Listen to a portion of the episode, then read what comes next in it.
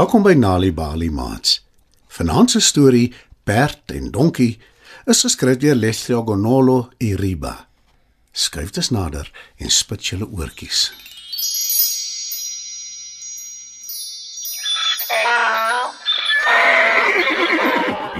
Bert en Donkie bly op 'n plaas saam met baie ander diere. Hulle is beste vriende. Hulle gaan stap lang en te saam, hulle speel saam, hulle eet saam, hulle balans selfs saam in die moeilikheid. Die twee is onafskeidbaar. Maar hoeveel donkie en perd het ook al geniet om saam te wees en saam dinge te doen, verskil hulle hemelsbreed. Bert is vriendelik en hy het 'n aangename persoonlikheid. Dit maak hom baie populêr. Al die diere op die plaas hou van hom. Donkie aan die ander kant is skaam en meng nie maklik met ander nie. Omdat hy so onkennig is, maak hy nie maklik vriende nie. Die ander diere steur hulle nie juis aan hom nie.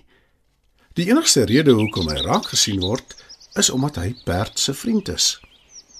En al is Bert en Donkie beste vriende, het Bert nog baie ander vriende. Maar Donkie het net een vriend, Bert. Donkie hou nie baie daarvan as die ander diere met Perd gesels of met hom wil speel nie, want hy is bang hy verloor sy enigste vriend. Hoe kan ek seker maak dat ek Perd se enigste vriend is? Wat kan ek doen dat die ander diere nie meer van Perd hou nie? Wonder Donkie. Hy dink en hy dink en toe skielik het hy 'n plan en hy sê hardop: Ek weet. As ek leuns vir al die ander diere op die plaas vertel oor Perd, sal hulle nie meer van hom hou nie. Dan sal ek sy enigste vriend wees. Dit klink vir Donkie na die perfekte plan. En dis presies wat hy toe doen. Hy loop oral op die plaas rond en versprei allerlei leuns oor perd. Die volgende dag kom perd agter dat die ander diere hom vermy. Dat hulle draaie om hom loop. Nie een van hulle groet hom eers nie. Wat nog te sê vir hom glimlag. Bert vind dit baie vreemd. En hy gaan na sy beste vriend Donkie toe verraad. Waarom behandel al die diere my vandag skielik so stief? Vra hy vir Donkie. Ek het nie die vaagste benul nie. Dalk is die ou spul in 'n slegte by. Uh, ek is seker môre lyk dinge weer anders. Antwoord Donkie. Maar dit gebeur natuurlik nie. Die volgende dag is niks anders nie en ook nie die dag daarna of die dag daarna nie. Bert is nou baie hartseer. Hy is so 'n vredelewende dier wat van almal hou. Hy besluit toe algenade is om die diere te vra wat aangaan. Hoekom hulle skielik so gemeen is met hom? Vark, koei en hoender sit samegesels toe Bert aangestap kom. Hallo my vriende. Ek kom agter julle behandel my skielik baie anders die afgelope paar dae. Wat is verkeerd? Vra Bert. Moenie jou onskuldig hou nie. Jy het my die vuilste dier op die werf genoem. Sê vark. Van my het jy gesê ek raas so in die middel van die nag met my geherkouery dat geen ander dier kan slaap nie. Sê koei. En volgens jou is my kop so klein en ek het so min verstand dat ek niks onthou nie. Sê hoender. Bert staar geskok na hulle en sê Maar dit is glad nie waar nie. Ek beloof julle, ek het nooit enige van die lelike goed oor julle gesê nie. Wel, ons glo jou nie. antwoord die diere. Bert wil net begin verduidelik dat hy nooit sulke dinge oor sy vriende sal kwytraak nie, toe hy Donkie aangeloop sien kom.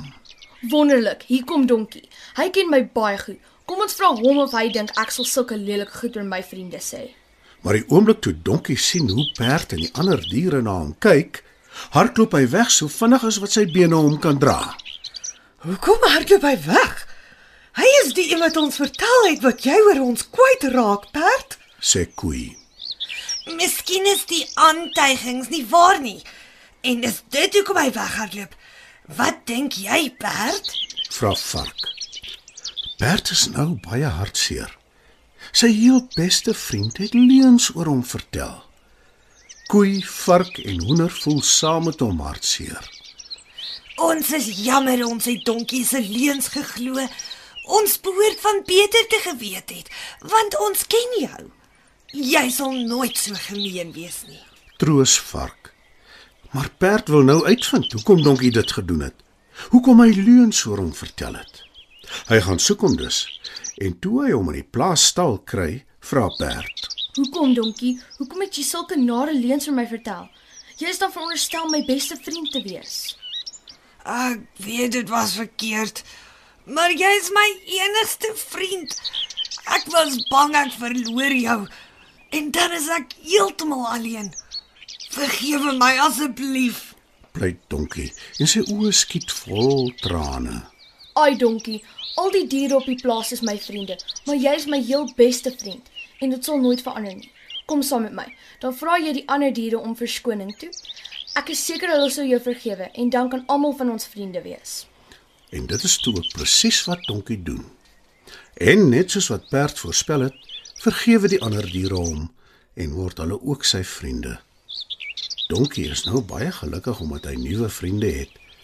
Maar Bert sal altyd sy heel beste vriend bly. Mats, dit was nog 'n aanbieding van Nali Bali Storytyd. Die titel van vanaand se storie was Bert en Donkie, geskryf deur Leslie Ogonolo Iriba. Het jy geweet dat om tuis vir kinders stories voor te lees en te vertel, hulle kan help om beter te doen op skool? As jy gratis stories wil hê om vir jou kinders voor te lees of stories wat jou kinders self kan lees, besoek die Nali Bali webwerf www.nalibali.org of die Mobi werf www.nalibali.mobi. Daar sal jy stories kry in 11 amptelike tale, asook wenke hoe om stories vir kinders voor te lees en met hulle te deel sodat hulle hulle volle potensiaal kan bereik. Hou ook koerante dop vir die tweetalige Nali Bali lees vir genot bylaag waarin daar wonderlike kinderstories en aktiwiteite is. Nali Bali. Dit begin met 'n storie.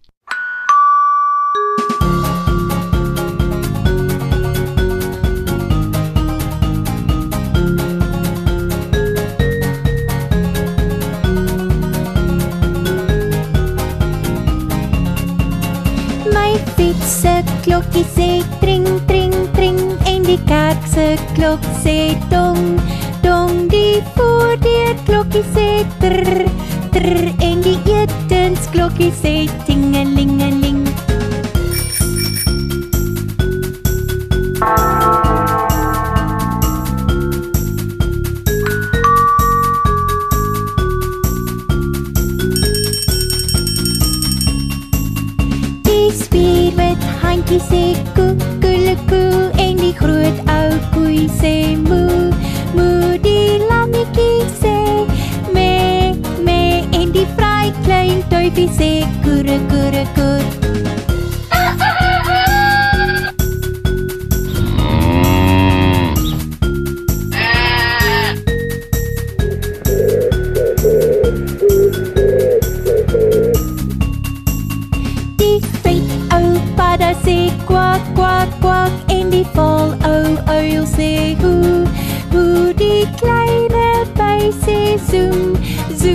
die skilpad hy bly chippy chippy stil